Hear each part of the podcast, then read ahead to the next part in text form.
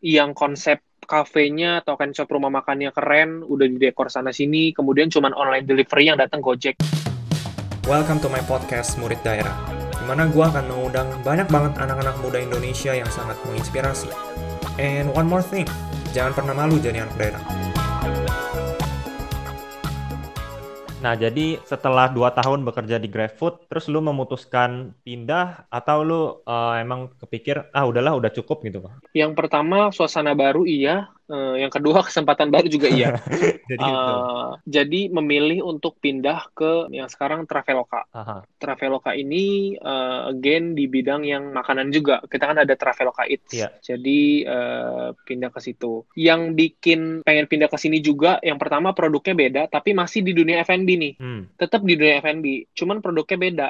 Kalau di Grab dulu uh, dua tahun ya udah cukup lah ya kita mengetahui bagaimana online delivery -hmm. Di dunia permakanan ini. Okay. Kemudian pindah ke Traveloka Eats ini penasaran sekarang kita balik kita putar 180 derajat. Main uh, job desknya kita ubah. Okay. Jadi kalau yang tadinya sudah online delivery kita sekarang pindah ke dine in jualan voucher. Nah, ini tuh yang um, mau digali lagi nih. Mm-hmm. Jadi gimana sih caranya um, kita uh, oke okay, online delivery udah, gimana caranya sekarang untuk terjun ke dunia F&B yang uh, lebih ke dine in atau makan di tempat. Oke. Okay. Jadi main produknya gitu. atau bisnis strateginya ini benar-benar beda ya kok sama yang di GrabFood? Beda, bisa dibilang beda. Beda banget ya? Beda, lumayan beda, beda banget. Tapi kalau kalau dari sisi kita yang memang berhubungan dengan partner sih sebenarnya sama aja ya cara kita berhubungan dengan partnernya. Oke. Okay. Flow kita komunikasi sama partnernya sama, cuman produknya aja yang beda jauh. Waktu lu berpikir pengen pindah ke Traveloka itu emang lu uh, merasa wah ada tantangan baru gitu kan. Jadi diri lu kepicu apa iming-imingnya dikasih lebih besar segala macam gitu kok. Yang pertama harus dari kita dulu ya kalau kitanya niat mau uh, memang mau uh, cari karir baru dari kitanya memang harus niat dulu. Hmm. Kalau untuk urusan uh, benefit, urusan gaji segala macam kan itu juga uh, menyusul yang penting kita ada niatnya dulu nih. Betul gitu. Jadi waktu itu uh, ya udah kita coba untuk interview juga, kemudian setelah itu kita cari tahu juga benefitnya apa, gajinya juga naiknya berapa. Okay. Terus ya hal-hal yang perintilan-perintilan itu juga diperhatikan sih. Cuman setelah ada kemauan memang mau pindah dulu, okay. atau memang mau cari tantangan baru.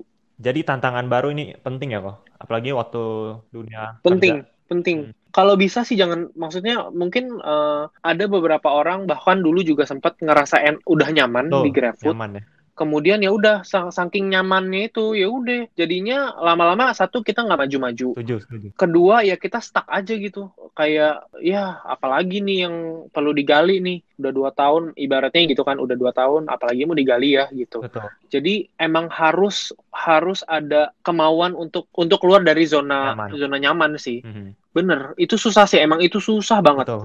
cuman setelah dilakuin sebenarnya kita dapat keuntungan yang berlipat-lipat sih. Long termnya lebih besar gitu ya keuntungannya. Betul, itu lumayan jadi pertimbangan besar juga sih. Udah enak nih sama temen-temennya nih, aduh lingkungannya udah enak lagi, aduh kerjaannya udah enak banget lagi gitu kan. Iya. Kata nyaman, emang itu mm -mm. bisa dibilang musuh dari semua orang eh, waktu kerja gitu ya. Kalau udah nyaman, ibaratnya Betul. gaji ya, Betul. ya udah ya udah cukup Betul. lah hidup dengan gaji sekian, hmm. teman-temannya enak, hmm. pekerjaannya hmm. santai, ya kan gak stres. Yeah. Nah ini sebenarnya kan hmm. kata nyaman ini emang musuh khususnya buat anak-anak muda gitu ya. Kalau kita ingin hmm. grow lagi kan, diri kita ingin grow lagi, ingin tumbuh betul. lagi, Betul. Kita harus singkirin kata nyaman ini ya, betul ya? Gue setuju sih. Betul, betul banget. Setuju sih. Waktu lu pindah betul. ke Traveloka itu apakah diajak teman apa lo nyari-nyari sendiri gitu? No, it, ini benar-benar uh, kalau di GrabFood kan dulu kita lewat teman ya, kita sama teman. Yeah. Kalau ke Traveloka ini benar-benar kita cari sendiri mm-hmm. tanpa bantuan orang dalam lah ya gitu ya. Benar-benar yeah. kita cari sendiri, kita lamar sendiri tanpa ada jalur khusus.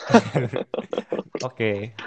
Singkat cerita masuk ke Traveloka nih kok dengan suasana baru, dengan tim baru, pekerjaan baru. Ya. Untuk lo menyesuaikan ke transisi itu gimana sih kok? Susah nggak? Waduh, um, uh, again sih paling kalau dari sisi kerjaannya segala macam sih nggak susah sih untuk transisinya ya. Mm -hmm. Cuman yang transisinya lumayan text time itu uh, adaptasi lingkungannya sih, adaptasi dengan orang-orangnya. Okay. Gitu. Karena dulu di GrabFood kebiasaan itu deket banget sama uh, sama teman-teman di sana sana uh, Uh, jadi terlalu apa ya terlalu mungkin terlalu nyantai kali ya. Hmm, oke. Okay. bisa diakuin sih uh, akhir-akhir sebelum pindah dari graf itu udah lumayan santai kemudian keenakan oke. okay. uh, sama teman-temannya juga enak. Ketika masuk ke Traveloka ya udah udah um, bener-bener uh, gigi lima lagi gitu ibaratnya. Oke okay, jadi di Traveloka lu juga di bidang F&B ya Traveloka It ya? Betul. Nah Traveloka It ini sebenarnya bisnis produknya atau bisnis strateginya kan berupa voucher kayak gitu kan? Betul, kita e-voucher. Kira-kira kenapa berupa voucher gitu ya, tidak berupa online delivery? Apakah ada alasan yang spesifik atau memang oh masa depannya kayak gini atau gimana? Nah gini, jadi kalau misalnya kita ngelihat online delivery kan, aduh ramai nih semua orang pesannya online nih. Mm -hmm bisa aja para pebisnis kan mikir ah bikin ah bis, bisnis uh, online delivery gitu. Kalau misalnya semua orang online delivery tidak ada company yang apa ya yang yang terjun di bidang yang dine in mm -hmm. itu nggak seimbang nanti jomplang okay. yang rame online delivery doang tapi kan kasihan nih untuk uh, resto-resto atau partner-partner yang punya tempatnya di mall okay. bayar sewanya mahal kemudian yang konsep kafenya atau kan shop rumah makannya keren, udah di dekor sana sini, kemudian cuman online delivery yang datang Gojek kan nggak mungkin. Nah jadi kita, jadi uh, ya kita itu penyeimbang lah ya. Jadi misalnya udah online delivery ke sana, kalau misalnya yang dine in tetap kalau mau bikin rame ya di kita gitu. Jadi supaya balance aja sih. Oke, okay, jadi biar dari ya? sisi ya? restonya. Betul. Karena kalau uh, bekerja di bidang ini kita harus uh, menempatkan uh, posisi kita itu sebagai si resto gitu. Kira-kira uh, kesulitan apa kau yang lo hadapi waktu bekerja di Traveloka Eats? Kesulitan mungkin apa ya meyakinkan uh, si partnernya itu lumayan susah sih. Ya karena balik lagi saat ini tuh lagi gembar-gembornya online delivery. Mm -hmm. Jadi mereka melihat online delivery ramai, kemudian ya maunya uh, jalaninnya itu di situ aja gitu. Ya udahlah nggak apa-apa deh uh, onlinenya rame uh, karena omsetnya juga onlinenya misalkan ada beberapa cerita loh ya. Onlinenya 70% tapi dari dine 30% mereka kayak enakan di online. Oke. Okay. Jadi di kita itu kayak eh, nanti dulu deh, nanti dulu deh, nanti dulu deh gitu. Oke, okay, kayak gitu. Itu nggak banyak sih, cuman ada beberapa. Susahnya sih paling di partner-partner yang seperti itu sih. Kan lagi kondisi COVID-19 seperti ini, apalagi di Jakarta gitu kan hmm. yang bener-bener wah chaos lah ya. Nah, bisnis iya. strategi hmm. Traveloka Eats tadi sedangkan makan di tempat ya, makan dine in kayak gitu kan. Ya. Nah, sekarang kita ya. nggak boleh makan di tempat di restoran. Bisnisnya keganggu nggak kok kira-kira? Hmm. Pasti ada perbedaan sih dari sebelum COVID dan sudah COVID. Uh, cuman kita balik lagi cari cara gimana supaya bisnis kita tetap jalan. Hmm. Yang pertama akhirnya yang tadinya cuma dine in ya udah kita bikin kebijakan dengan si para resto gimana kalau misalnya kita bolehin take away deh. Oke. Okay gitu. Gimana kalau misalnya delivery juga boleh, tapi uh, armadanya memang dari si partner yang memang punya uh, apa uh, armada untuk delivery. Okay. Jadi kalau misalnya memang mereka ada, ya kita jalanin aja. Kita cuman support mereka untuk menampilkan bahwa oh tenang kalian nggak harus makan di tempat. Ini mereka bisa di take away atau bisa di delivery langsung oleh mereka. Oke. Okay. Gitu. Tapi pembayarannya tetap lewat Traveloka gitu. Gue penasaran nih kok. Bisa dibilang kan Traveloka itu ini fitur baru ya ya dibandingkan Gojek sama Grab gitu ya. Iya. Fitur baru kan. Ibaratnya Betul. Uh, challenger gitu. Nah, sedangkan yang memimpin atau yang udah udah lama seperti GrabFood, uh, GoFood gitu kan itu udah terkenal banget ya. Untuk sisi user nih kok, mm -hmm. dari sisi user, lo ngeliatnya gimana sih? Dari kita sisi user, kenapa kita harus make Traveloka It? Terlepas dari bisnis strategi yang berbeda gitu ya. Jadi uh, yang pertama sebenarnya kalau secara Travelokanya bukan Traveloka Eats-nya, hmm. Travelokanya itu memang sudah lama, mungkin lebih dari udah lebih lama dari GrabFood dan GoFood ya. Hmm. Nah, untuk Traveloka Eats-nya memang yang masih baru. Nah, tapi kita kan banyak uh, loyal customer yang sudah pakai Traveloka ya, dan kebanyakan orang itu pun sudah punya aplikasi Traveloka. Uh, karena mereka mau terbang beli tiket pesawat lewat Traveloka, booking hotel udah kebiasaan lewat Traveloka. Jadi hmm untuk dari sisi customernya kita jamin banyak customer yang memang sudah punya aplikasinya minimal punya dulu minimal punya aplikasinya dulu untuk kita pindahin dan kita promosiin produk baru itu lebih mudah jadi dalam satu aplikasi yang uh, ada new gitu ya Traveloka Eats. Oh, dari situ kita gembar-gemborin ke customer yang memang sudah punya Traveloka pasti kan. Hmm. Misalnya lagi buka page Traveloka ada ada uh, pop up keluar ada Traveloka Eats gitu kan. Hmm. Nah, dari situ sih untuk mindahin mereka dari pengguna pesawat dan hotel ke kuliner ke Traveloka itu nggak gitu sulit sih. Oh ya Satu uh, dalam satu aplikasi mereka nggak uh, cuma bisa pesan tiket, pesan hotel, tapi mereka juga bisa uh, tahu rekomendasi makanan di sekitar misalnya contohnya di kota yang mereka datengin atau di hotel yang mereka tinggalin. Okay. Jadi sebenarnya ini super super app sih. Jadi kayak satu app ini udah komplit. Bisa gue bilang lebih ke uh, travelingnya ya, jadi sangat dibantu yang untuk traveler-traveler gitu ya. Betul, betul. Kalau traveling kan nggak jauh-jauh dari transportasinya, dari tempat tinggalnya atau hotel, akomodasinya, sama makanan yang nggak nggak ketinggalan. Menarik, menarik, menarik. Kalau tadi kan di GrabFood lu di divisi account management kok. Di Traveloka It apakah sama hmm. ngurusin partners partner juga atau berbeda?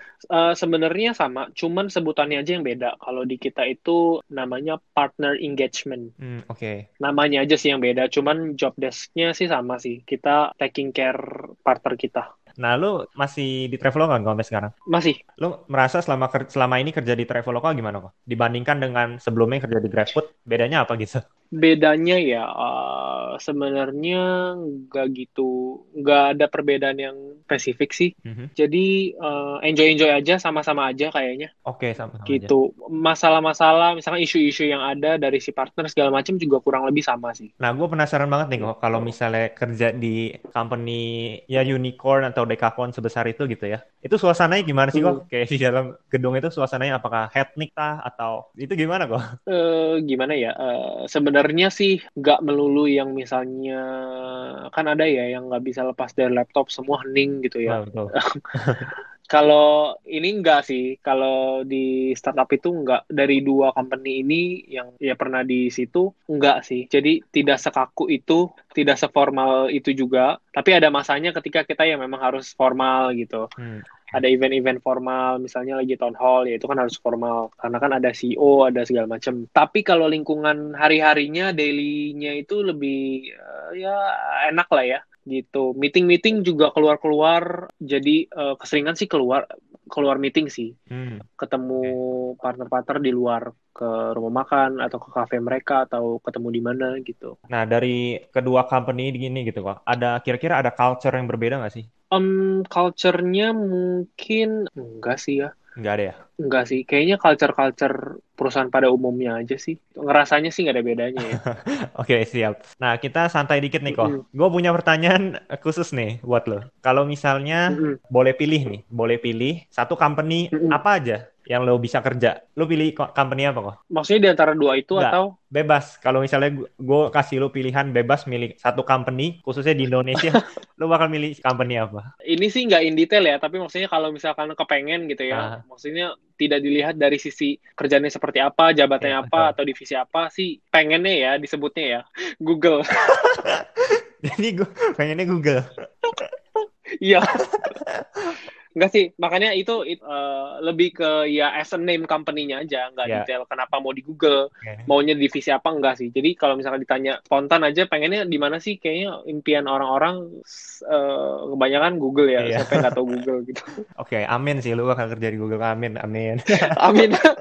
amin target lu apa sih kok setelah ini gitu setelah ini goal lo apa gitu di masa depan lu mau ngapain kira-kira sebenarnya saat ini pengen ngegali masih pengen ngegali terus sih mm-hmm. di beberapa uh, mak maksudnya kalaupun bidangnya F&B sama tapi uh, mungkin di beberapa dari produknya misalkan beda tapi kan pasti ada ada aja pelajaran yang kita dapat di tempat A tapi nggak kita dapat di tempat B ada juga yang di tempat B tapi kita nggak dapat tempat A mm-hmm. jadi uh, sebenarnya pengennya ya uh, cari uh, pengalaman sebanyak-banyaknya karena kan ya. bakal jadi bekal juga kan. Iya, betul. Betul. Jadi terlepas dari nanti mau punya usaha sendiri, mau punya ya karena berhubungan dengan F&B ya misalkan mau punya resto sendiri, kafe sendiri itu terlepas dari itu sih saat ini masih mau fokus untuk cari pengalaman sebanyak-banyaknya sih. Ini untuk inspirasi aja nih kok. Lu kan dari daerah ya bisa dibilang. Nah terus juga kuliah juga ibaratnya uh, bisa dibilang ya universitasnya nggak yang top-top banget nggak kayak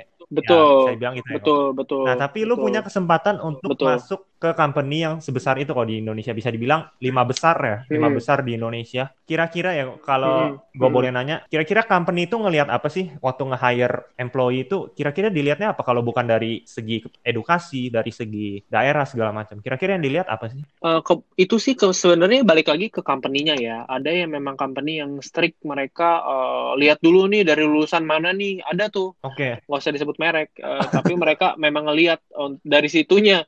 Dari situ mereka lihat dulu nih. Kemudian um, baru uh, dikulik skill dan lain-lain. Tapi kalau misalnya di di dua company yang memang udah pernah dijalanin dan sampai sekarang dijalanin, itu memang mereka yang penting ada experience. Hmm, experience um, satu.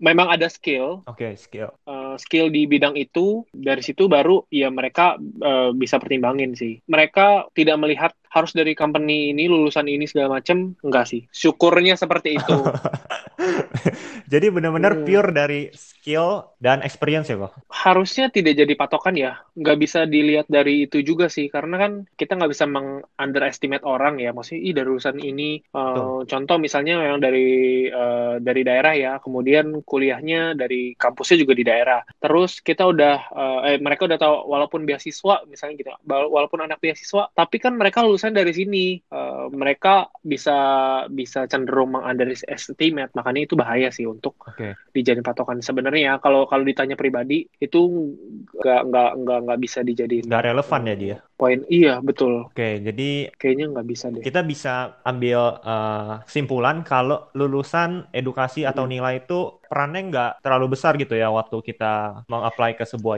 uh, company seperti hmm. itu. Mungkin ada tapi um, nggak nggak nggak besar ya maksudnya at least ya memang udah lulus at least ya satu. Iya. Kemudian kalau untuk dari universitas mananya sih sebenarnya hmm, kebanyakan sih nggak ngelihat itu sih. Ini jadi pesan ya buat khususnya untuk anak-anak daerah, bisa gue bilang khususnya untuk anak-anak daerah yang merasa ini selama ini merasa ah ya udahlah gue dari lulusan dari universitas yang kurang bagus, segala yeah. macam nilai kurang baik. Yeah. Ternyata nggak mm. selalu seperti itu loh. Kita bisa aja mendapatkan kesempatan betul, betul. yang sama dengan anak-anak yang lulusan mungkin lulusan Harvard atau segala Betul. macam. Jadi ini bisa Betul. jadi pacuan, bisa untuk jadi inspirasi untuk anak-anak daerah yang merasa ini minder. Betul. Gue setuju betul. banget. Udah mereka udah udah berkecil hati dulu iya, ya. betul betul. Bahaya sih itu. Bahaya bahaya sih. betul. bahaya. Terakhir yang gue pengen nanya, lo ada pesan nggak kalau kira-kira untuk anak-anak daerah, hmm. khususnya anak-anak daerah ya, anak-anak muda di daerah, biar sukses di masa depan gitu. Pesannya ada pesan? Betul sebenarnya yang pertama yang tadi dibilang jangan sampai berkecil hati dulu kemudian uh, udah hilang planningnya hilang terus semangatnya hilang itu jangan sampai hmm. Jadi uh, jangan pernah uh, berkecil hati, tetap berusaha. Kemudian cari dulu passion yang mau kalian, yang yang memang kalian apa ya, yang yang memang kalian mau gitu. Oke. Okay. Kemudian skill itu kan menyusul. Kalau punya passionnya dulu, misalnya, aduh aku sukanya uh, di bidang finance nih, di bidang keuangan nih, uh, jangan lari ke bidang lain. Jadi uh, lebih ke tekunin di bidang itu, fokus di situ. Kemudian untuk karirnya juga dicarinya di situ. Jangan sampai misalnya, aduh sebenarnya passionnya di finance nih, tapi ternyata iseng-iseng-iseng cari kerjaan jodohnya di uh, misalnya contoh di startup gitu ya. Yeah padahal dia pengen di finance. Jangan sampai terjun di startup kalau memang maunya di finance. Okay. Jadi satu harus harus harus konsisten. Okay, konsisten. Kedua eh, yaitu harus uh, ikutin passionnya maunya di mana. Jangan sampai salah karena kalau udah kerjaan nggak nggak bukan passion kita itu jadinya demot. Jadi kerjanya satu malas-malasan. Okay. Kemudian kedua jadi mal jadi apa ya? Jadi nggak semangat gitu. Jadi harus nyocokin dulu sama passionnya. Oke, okay, jadi passion itu sangat penting ya, Pak? Penting, penting banget ya. Penting banget. Oke, sampai sini aja. Kok terima kasih banget lo udah luangin waktu untuk ngobrol-ngobrol sama gue di sini ya. Thank you. Thank you banget, Kok Aldi. Thank you, Vin.